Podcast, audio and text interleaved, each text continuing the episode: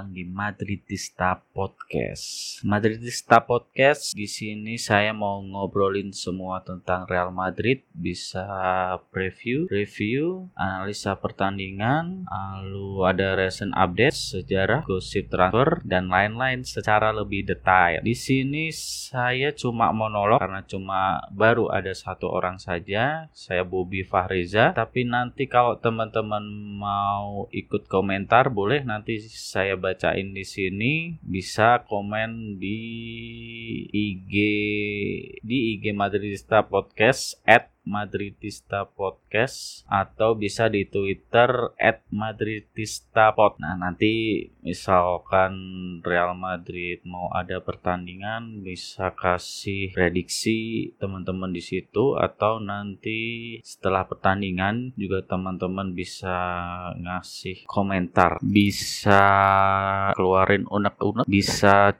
curhat kangen WhatsApp di Red Dot, bisa pinjem duit, bisa bisa maki-maki temen minjem duit nggak dibayar tapi malah galakan dia. Nah, silakan komentar di situ. Oke, sekian aja perkenalannya. Kita lanjut ke segmen 2. In the final game of the year in La Liga Santander, Real Madrid would have the first opportunity.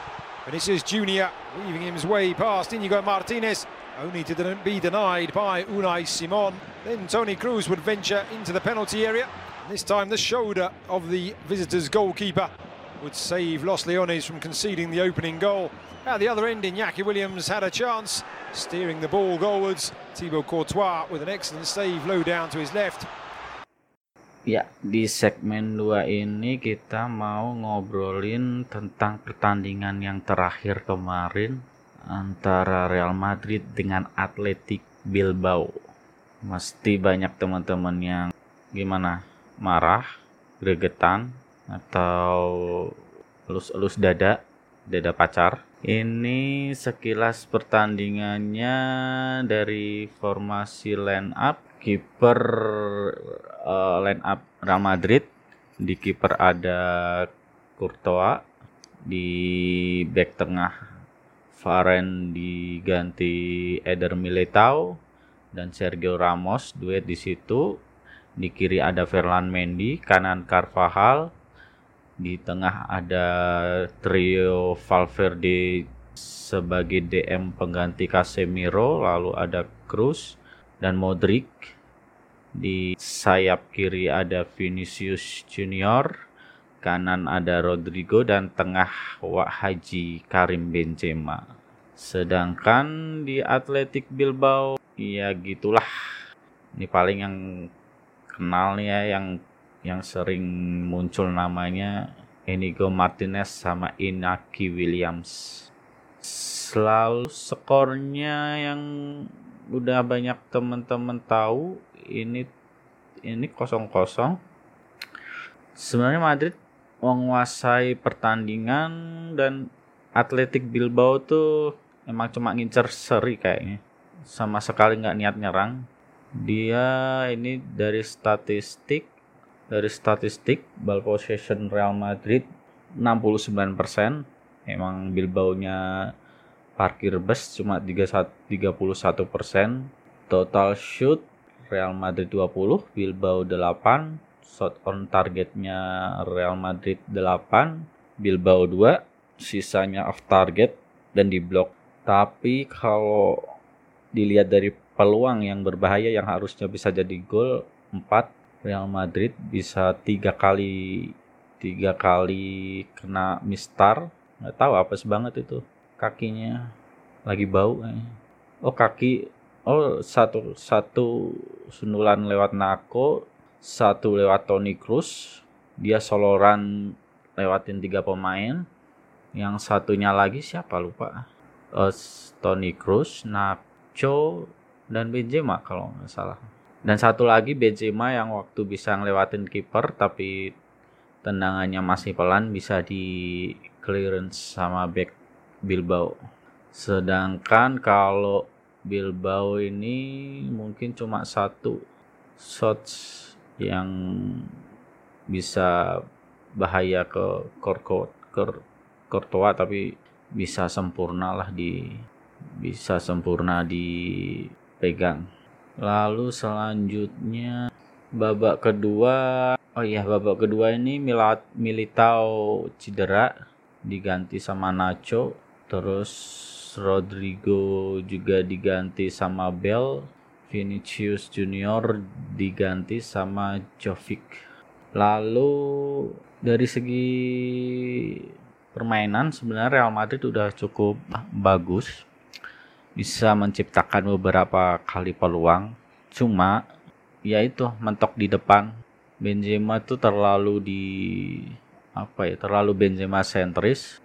Tapi sayapnya kedua sayap tuh Rodrigo sama Vinicius tuh mati gitu dan Vinicius tuh yang parah. Vinicius tuh jago kalau dribblingnya tapi shootingnya ampun itu.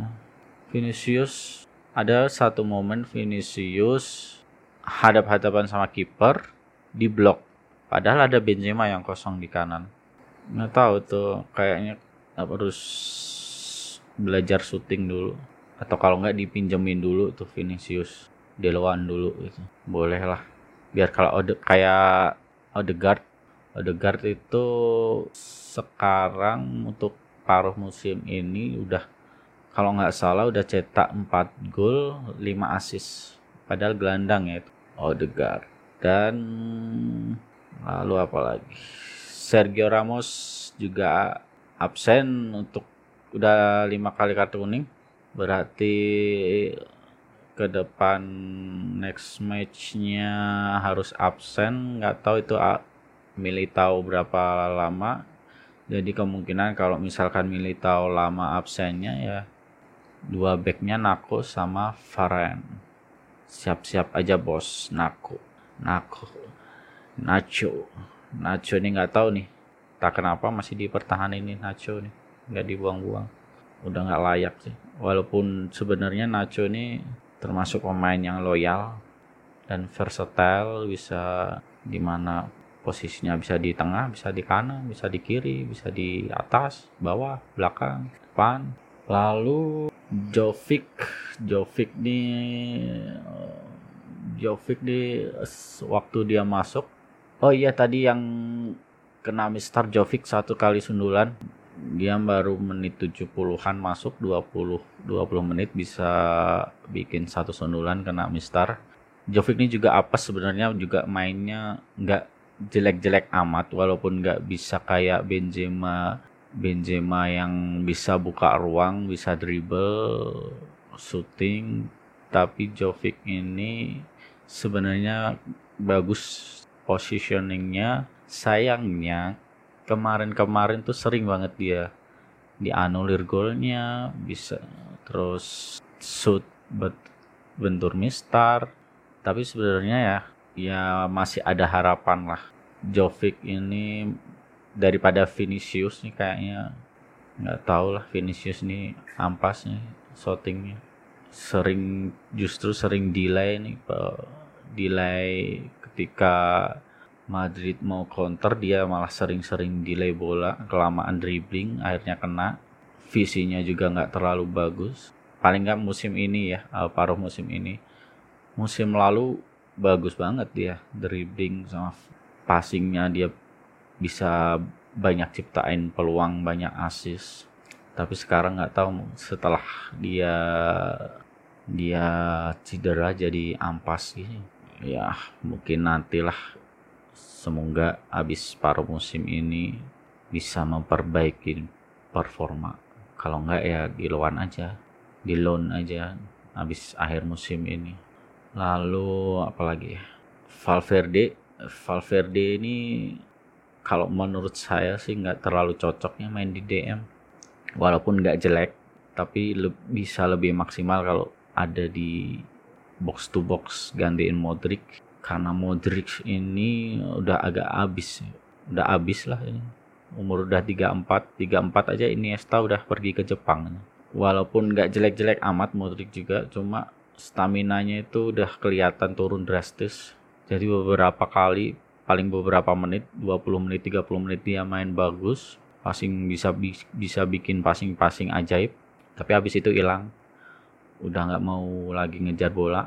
Nah, itu itu harusnya jadi posisinya Valverde dan di DM tapi sayang kemarin Casemiro emang lagi akumulasi kartu jadi nggak bisa main nah selanjutnya oh iya Mendy. Mendy ini Mendy ini sebenarnya jawaban dari kritik kepada Marcelo di musim lalu. Yang ada highlightnya waktu Madrid kalah sama siapa itu saya lupa. Itu waktu kebobolan Marcelo cuma jogging pulang habis ngebut ke depan gitu ya. Begitu kena counter dia jogging-jogging aja jalan kaki. Yang lain pada lari-lari tunggang langgang ya. Dia santai aja nggak punya dosa. Akhirnya kebobolan dan itu terus jadi jadi sasaran kritikan fans. Nah Mendy ini menurut saya yang salah satu oh ini bukan salah satu emang back sayapnya Madrid yang punya atribut defending yang paling bagus nih ya Mendy ini disiplin disiplin dia kalau counter dia langsung lari kencang ke belakang duel sering menang jarang jarang dilewatin musuh gitu. tackling tackling akurat cuma sayangnya satu dia teh gak bisa ini nggak bisa sebagus Marcelo akselerasi ke depannya akurasi passing dan crossingnya juga hancur belum bisa menyamai Marcelo. Minimal mendekati juga kayaknya masih jauh tapi mungkin bisa di masih muda ya Mendy. Mungkin bisa diajarin dikit-dikit lah sama Marcelo. Carvajal juga main biasa aja. Carvajal nih paling banyak pegang bola. Kemarin nih dia bisa uh, umpan silang nyiptain 12 umpan silang crossing yang sukses cuma dua. Lalu peluang bisa nyiptain 4 crit creating change. Benzema juga 4 sayangnya Carvajal nih agak agak-agak nggak tahu. Udah beberapa tahun belakang ini juga agak menurun nggak kayak top performanya waktu Real Madrid sukses juara Champions sering kecolongan juga malah Real Madrid seringnya kecolongannya di sisi Carvajal Carvajal kalau musim ini.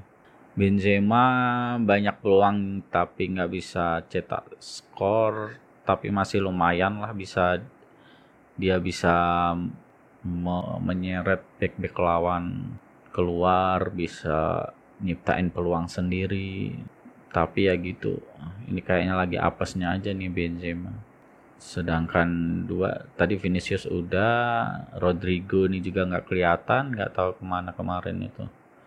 Lalu oh iya pergantian pemain tuh kemarin ya karena mungkin milih tahu tiba-tiba cedera jadi kurang antisipasi waktu itu Militao cedera sisa dua akhirnya sisa dua pergantian pemain yang masuk itu dan waktu itu Real Madrid lagi butuh gol dan yang masuk waktu itu Jovic eh Bel dulu lalu Jovic. Nah yang anehnya itu yang diganti malah justru Rodrigo dan uh, Rodrigo dan Rod Rodrigo dan siapa waktu itu? Oh ya yang diganti yang anehnya waktu itu yang diganti itu Jovic masuk menggantikan Vinicius Junior Bell menggantikan Rodrigo. Ya jadi Jovic dan Benzema menit 70-an jadi formasi 4-4-2 nah Jovic tandem sama Benzema sebenarnya nggak masalah masih masuk akal. Tapi yang anehnya waktu itu Gareth Bale di kiri menggantikan posisi Vinicius dan kanannya Valverde. Nah setelah itu malah justru lini tengahnya seperti hilang. Valverde ini jadi udah nggak maksimal lagi di kanan. Walaupun masih kelihatan cuma lini tengah Real Madrid kayak skip gitu sama jarang aliran bola aliran bola seringnya long ball long ball long ball ke sayap crossing sayap crossing gitu-gitu terus. Yang yang masalahnya waktu itu crossingnya nggak akurat sedangkan ini defense-nya Bilbao juga bagus banget berlapis. Dia emang klub yang paling sedikit kebobolan kalau nggak salah. Ter ter ini satu terpaut satu gol sama Real Madrid. Oke itu aja di segmen 2 review Real Madrid versus Athletic Bilbao. Lanjut ke segmen 3 Karim Benzema rounded the goalkeeper.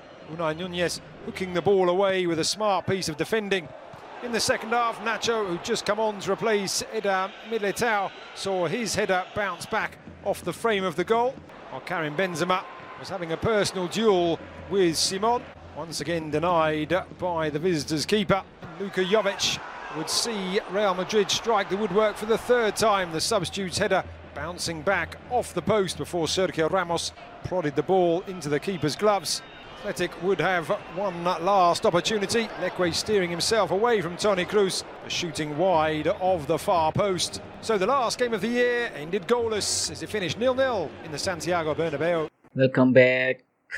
Segmen 3 kali ini kita mau ngomongin tentang ini sebelum sebenarnya belum selesai paruh paruh paruh awal di La Liga. Ini baru Jornada ke-18 kan harusnya ada 19 pertandingan. Cuma pertandingan ke-19-nya nanti di awal di awal tahun nanti lawan Getafe. Tapi ini sedikit kita mengulas awal musim jalannya La Liga.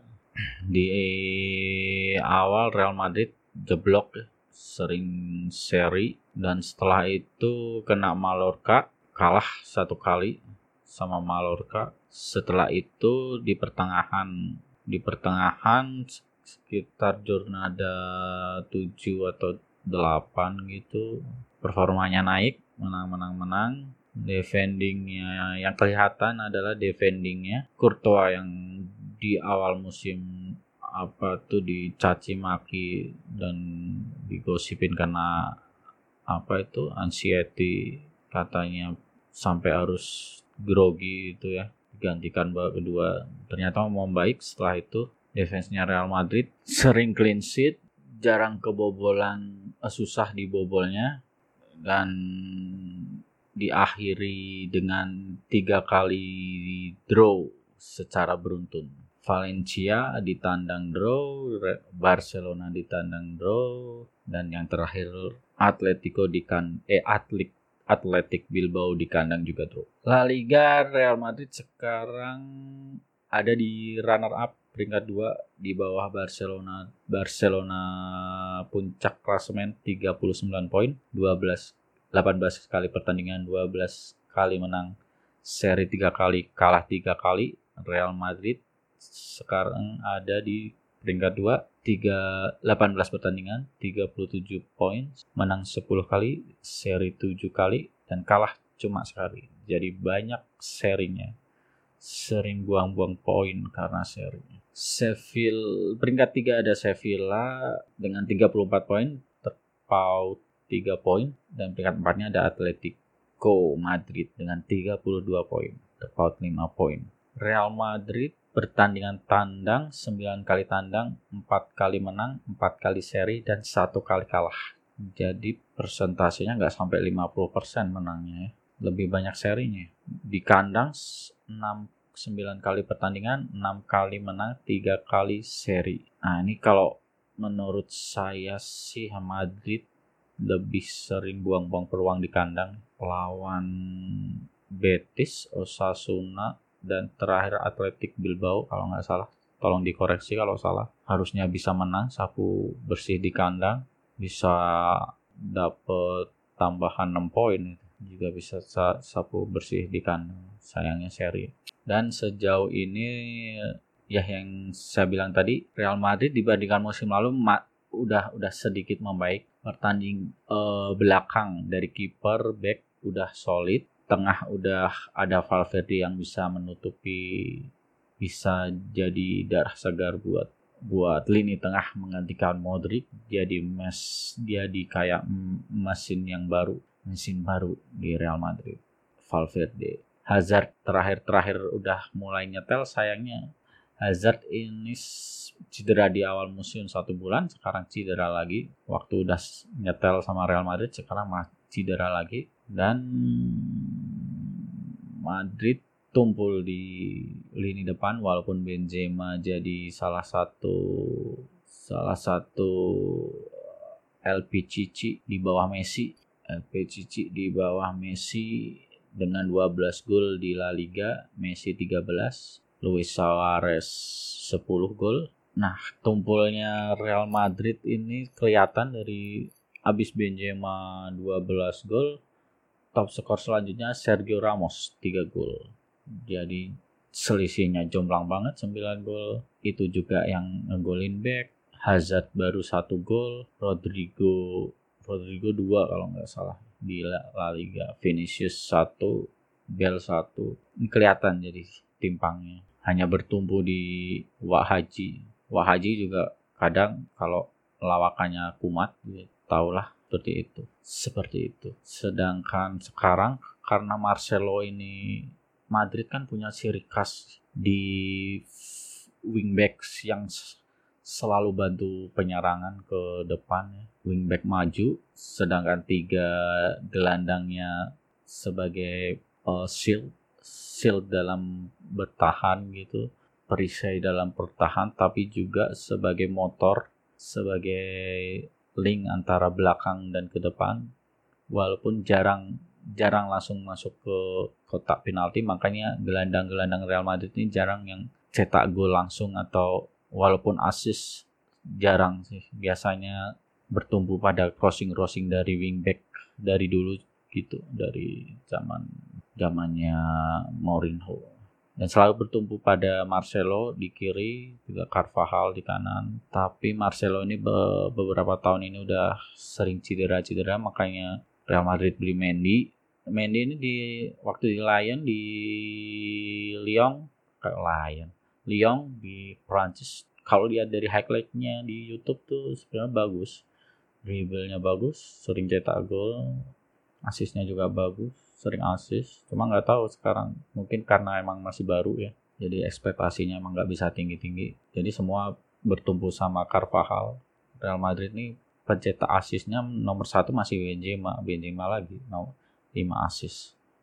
Diikutin Carvajal 4 asis dan Modric 4 asis. Cuma lebih seringnya nih selalu bertumpu sama Carvajal. Crossing crossing nah anehnya itu sering Madrid ini sering crossing tapi yang kayak kemarin tuh yang bisa nyundul mungkin cuma Benzema Rodrigo kurus Vinicius. Kurus sering kalah duel. Harusnya dari awal masukin Bell Bell juga Jovic yang agak tinggi juga bantet ya. keker. Jadi mungkin sering menang duel. Kalau ke depan sih pengen ngelihat uh, Benzema agak melebar uh, Benzema duet dengan Jovic di belakangnya Hazard atau Hazard yang di kiri Benzema membuka ruang ke kanan dan Jovic di tengah ya sebagai goal getter. Sebenarnya Benzema itu kalau saya pribadi lebih ke second striker bukan bukan yang goal getter macam Lewandowski atau Ronaldo dulu waktu di Madrid terakhir terakhir belakangan itu ya jadi real number nine yang di dia kerjaannya cuma nyari posisi yang enak lalu tap in sundul nyari celah dikit peluang dikit langsung jadi gol Benzema itu sebenarnya bukan tipikal striker yang kayak gitu. Benzema itu lebih suka turun ke bawah, dribbling, mirip-mirip Messi cuma sekarang lebih dipaksain maju ya jadi Real 9 emang bagus cuma nggak efektif loh menurut Jovic harusnya jadi real number number 9 di depan. Sementara Benzema agak ke kanan.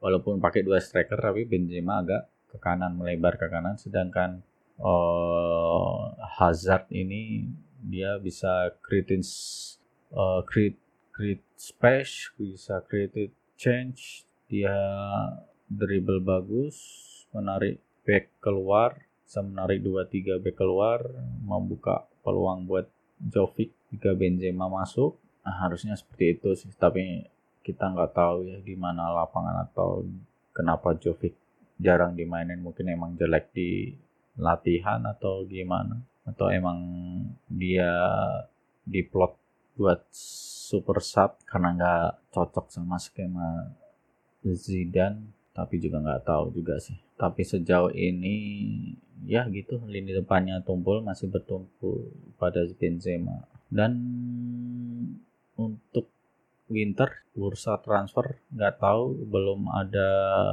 ada gosip-gosip pemain masuk. Zidane sendiri udah bilang nggak akan beli striker tapi ada gosip Auba ada gosip Pogba tapi kayaknya Madrid nggak akan beli siapa-siapa sih di winter ini. Kalau kalau mungkin peluang besar minor ya, perubahan minor bisa dipinjamkan kayak Mariano atau Brahim Diaz atau bisa juga bawa pulang pemain pinjaman Acam yang siapa itu Halunin yang nggak pernah dimainin di Valladolid mungkin bisa transfer minor seperti itu.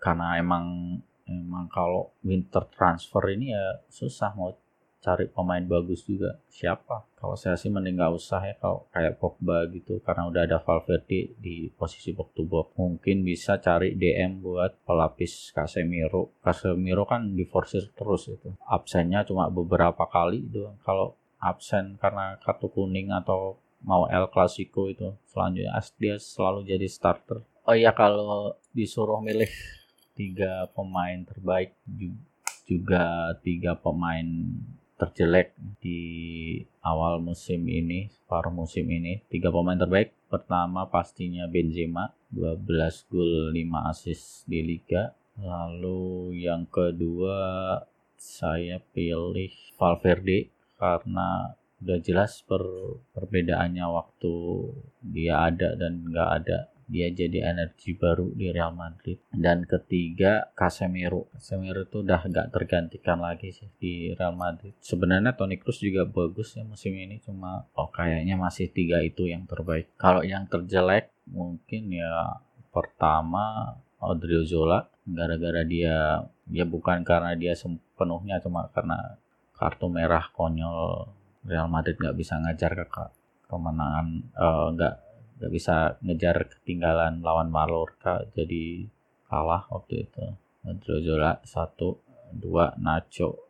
Nacho ini ah ya sama kayak yang tadi saya bilang nggak tahu kenapa masih di Real Madrid. Udah sebenarnya udah nggak masuk levelnya cuma mungkin ya karena dia loyalitasnya itu dia masih kepake. Yang ketiga yang terjelek ya Vinicius mungkin.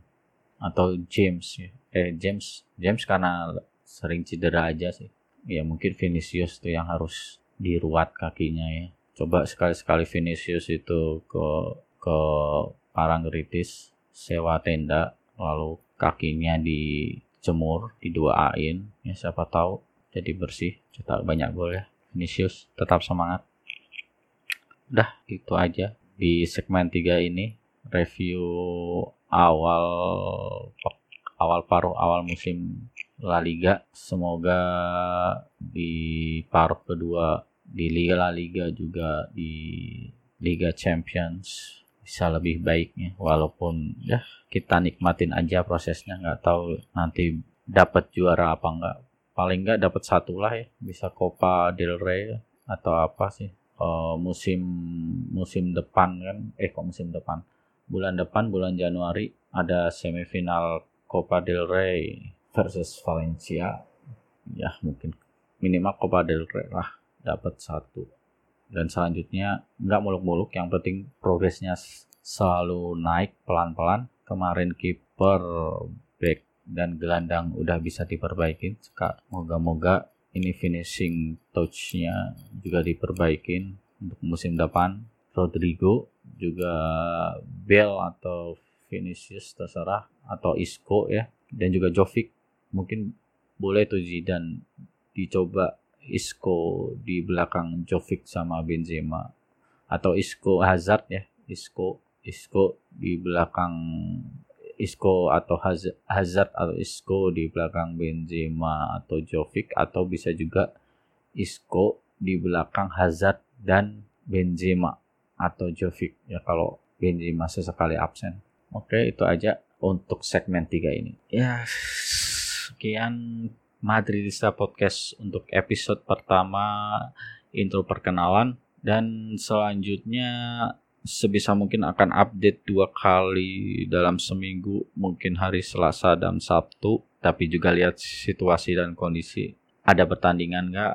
Apalagi apalagi libur kan males ya? Atau kalau nggak jeda international break kan males tuh nggak ada pertandingan. Tapi ya nanti lihat dulu. Tapi sebisa mungkin akan saya selalu update dua dua kali seminggu. Dan jangan lupa follow di IG-nya Madridista Podcast at Madridista Podcast juga di Twitter at Madridista Pod. Nah, bisa di follow juga nanti bisa di komen tentang prediksi sebelum pertandingan atau hasil setelah pertandingan komentar kalian silahkan di komen di situ nanti juga mungkin bisa kalau mau nanti insya Allah saya bacakan semua satu persatu jika ada komentar yang menarik. Nah, nanti bisa juga suatu waktu nanti mungkin by WA ya. Kalian bisa kirimkan voice note lewat WA nanti juga bisa saya WA atau email ya. Nanti bisa saya post juga dimasukin ke podcast. Oh, untuk emailnya bisa ke madridistapodcast@yahoo.com madridistapodcast@yahoo.com di jadi satu ya materi desa podcast tanpa spasi eh tanpa underscore. Oke gitu aja. Saya Bobi pamit. Wassalamualaikum warahmatullahi wabarakatuh. Halam Madrid